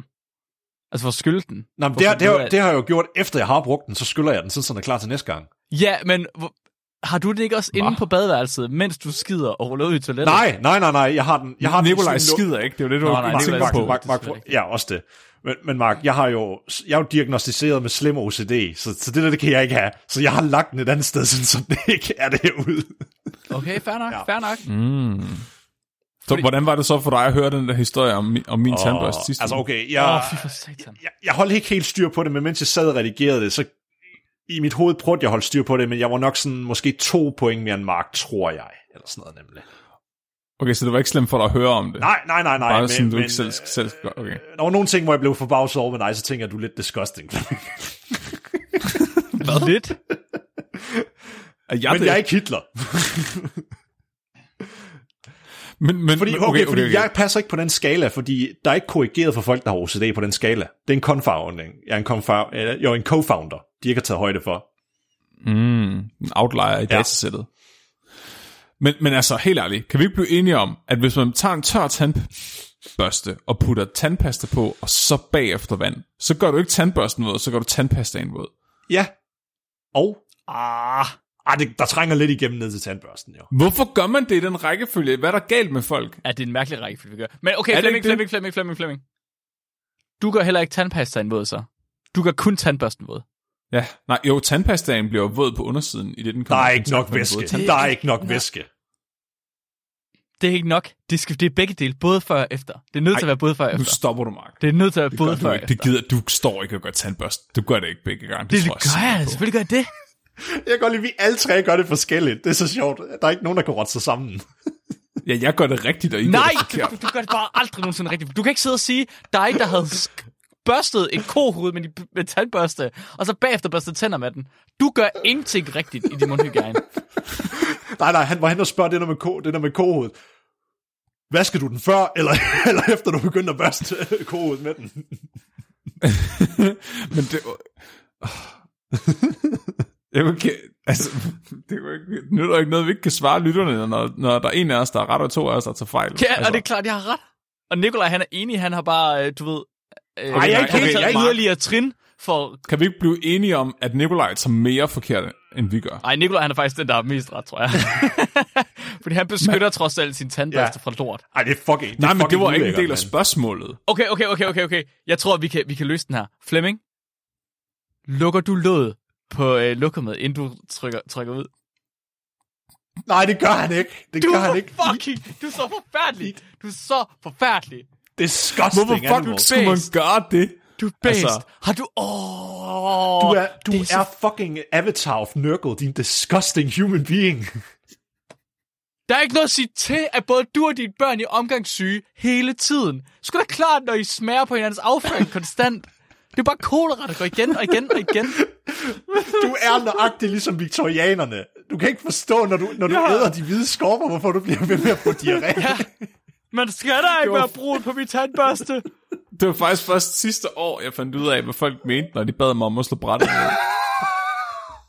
Jeg troede, de mente det der er det lille bræt med hullet i. Som når man wow. Jeg, har, jeg vidste slet ikke, det var noget, man gjorde for, for ikke så længe siden. Den her mand, han sidder og prøver at finde ud af, om der er en sammenhæng mellem tarmbakterier og cancer, og øh, prøver at udgive forskning, der skal være ret banebrydende. Og så ved han ikke, hvorfor et toiletbræt han skal slå ned, inden han trækker ud. Hvorfor gør man det? gør jo ikke nogen mening. Det er bare det, og jeg har, der er, åh, Flemming, der er lavet så mange videoer med sådan noget fluorescerende farvestof, som bare flyder ja. ud over fucking det hele. Det gør da lige meget. Det gør da ikke lige meget, det er lort. Det er direkte, det er afføring. Flemming, sidder du også med din iPhone ude på toilettet også? Ja, nej, men jeg har ikke nogen iPhone. Nå, men en smartphone. Ja, selvfølgelig. Tør du den af bagefter? Øh, min røv? Begge dele. Begge dele. Flemming tør det er- med sin smartphone. Skulle der ikke nogen, der skulle tørre den af med? Sådan en vådserviet eller landet, altså. Har du våd... Gør du det? Ja. Har du vådsætter til din telefon, Ja. når du er færdig med at skide? Jamen, jeg har den aldrig nogensinde været derude. Jeg synes, det er fucking ulækkert. Hvad? Så, okay, er det derfor, du aldrig skider? det er fordi, Der er ikke du, er nødt til at tage, du er nødt til at, du går ud nøgen. fordi du synes, det er ulækkert, at, at dit tøj kommer derud. Der er sådan nogen, der er nogen, der er sådan... Ej, okay. Jeg har godt hørt om dem, der tager trøjen af, når de skider. For at de virkelig, Okay, altså, det, de ikke okay, okay meget, det, de det, kan jeg altså godt forstå, det kan jeg godt forstå, ja, fordi hvis det er en virkelig hård en, så, så skal du nærmest, kæ- det er nærmest ligesom at, at skal sådan hive en stor fisk ind, du skal virkelig kæmpe. Ja. Okay, så I slår brættet ned, når I skulle ud. Ja. Ja. Det tror jeg sikkert. Altså. Det Og Mark, tør du din telefon af med en vådsæt, når du er ude at skide? nej. Det gør jeg ikke, men jeg, jeg vil også, øh, jeg er den overbevisning, at jeg laver en form for vakuum ned i kummen. ja, okay, ja, okay. Jeg passer, din røv jeg overhovedet ikke så stor nok perfekt, til. Jeg passer så perfekt ned i, øh, i toiletbrættet. Bare lige Der er bare vakuum. Ja, lige præcis. Okay, men til mit forsvar, det er så også fordi, jeg har voldsom OCD. Måske er jeg lidt pylrød, når det kommer til det også. Ja, i hvert fald. det kan jeg godt selv erkende, hvis jeg er det. Men ikke når det kommer, ikke, når er det kommer til at slå brættet ned. Ikke når det kommer til at slå brættet ned. Men Flemming han har sin tandbørste til at stå udækket. Og så skider han. Og så lader han brættet være oppe, og så trækker han ud, og så går han hen og børster tænder bagefter. Uden at skylle sin tandbørste på forhånd. Mark, Mark, Mark, Mark, fordi det var, jeg børster tænder ude i køkkenet. Det er kun alle de andre tandbørster, der står og, dem, og, dem, og, dem, og dem har du sat ned, hvor uh, lokumsbørsten den er, så har du sat den det i stedet for. Ja, det står lige over over toilettet. Det ved jeg, min, altså min, min oldefar, han, sad ud, han, sad, han tog en skovl og lagde, og så sad han på huk hen over skovlen, og så sked han på den, mens han sad og læste avisen ud ved grisene, og så kastede han den ind i, øh, i, i randen bagefter. Og det gjorde min far for os, indtil han blev så stivbenet, at han ikke kunne sidde sådan mere. Men er det så mere eller mindre ulækkert, end ikke at slå brættet ned, når man ikke gør det ved siden af sin Det er tandbørste? vel okay, for det er udenfor. Så længe det er langt væk fra et eller andet, så er det vel okay. Men så kommer der jo lort på din mad. På din mad. Hvad? Ja, du spiser jo grisene. Du skulle da ikke uden at... Du, du skyld- altså, du, tager, du tager ikke bare en bid af en gris, Flemming. Du skyller jo også tandbørsten, inden du børster tænder. Ja, jeg gør. Ja. Det gør du jo ikke. Jo, jeg gør. Jeg, putter, jeg skyller den, og så putter jeg tandpasta på. Nå, du putter ikke på Jeg bagefter, det er rigtigt. Nej, det er det, jeg siger, det er Okay. derfor Nikolaj tager fejl. Det er det, jeg siger. Jeg er, Nikolaj tager mest fejl, og jeg tager mindre fejl, og du tager ikke så meget fejl. Fordi du gør det både for og efter. Jeg var helt garderet mig. Jeg vil sige, Nikolaj, ja. den der er helt garderet som mest. Bare gem den væk.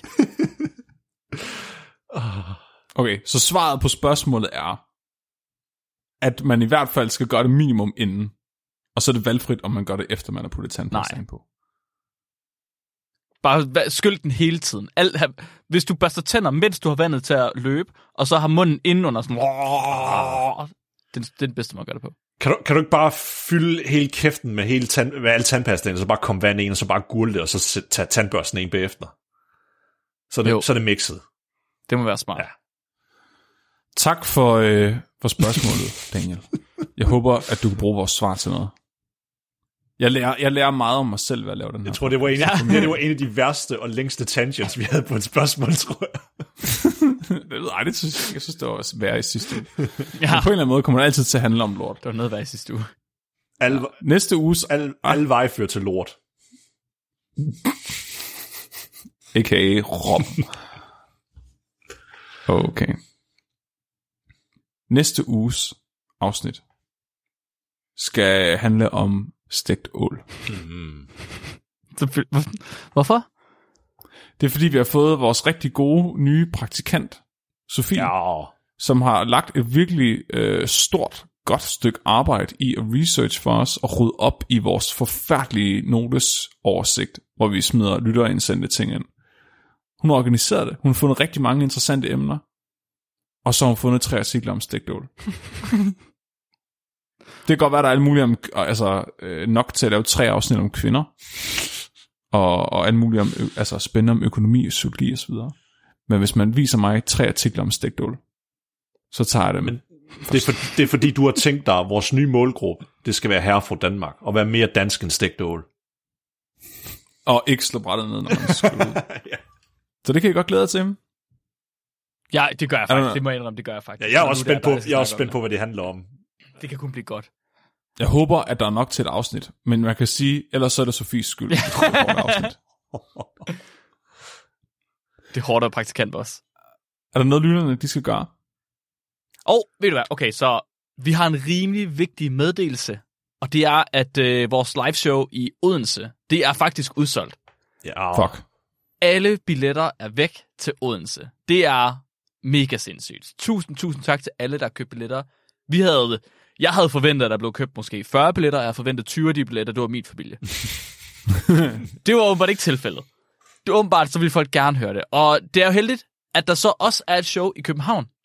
Så hvis man er mere til øh, den østlige side af Storebælt, så kan man komme ind og se os i København, hvor der stadig er billetter. Den 19. marts, det er en søndag, og det er klokken 8 om aftenen. Og øh, det er Flemming, der skal snakke til dem begge to. Ja. Og jeg lover, at jeg nok skal vaske hænder, inden jeg kommer, hvis I gerne vil røre ved mig. Ellers så lad være med at købe billetter til første, første række. ja, ja, det er mig. Ja. Mm, det er klart. Jeg er ham, der lugter, som om jeg ikke har vasket hænder.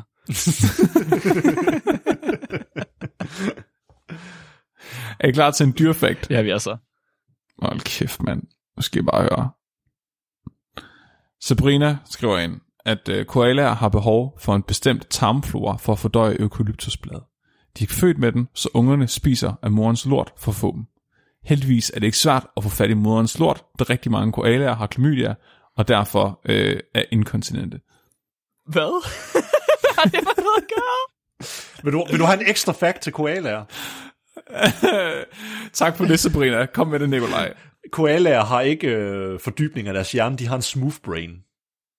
Uh, det forklarer faktisk ret meget. Det er derfor, de bare sidder og glor midt i en skovbrand. Jeg er ikke sikker på, at vi kan holde til, at Flemming han har mere ansvar nu. det kommer bare til at handle om at spise lort. Helt til gang. Tak øh, fordi, at I har lyttet med. Jeg er Flemming. Og mit navn det er Nikolaj. Og jeg er Mark. Du er blevet videnskabeligt udfordret. Husk at være dum.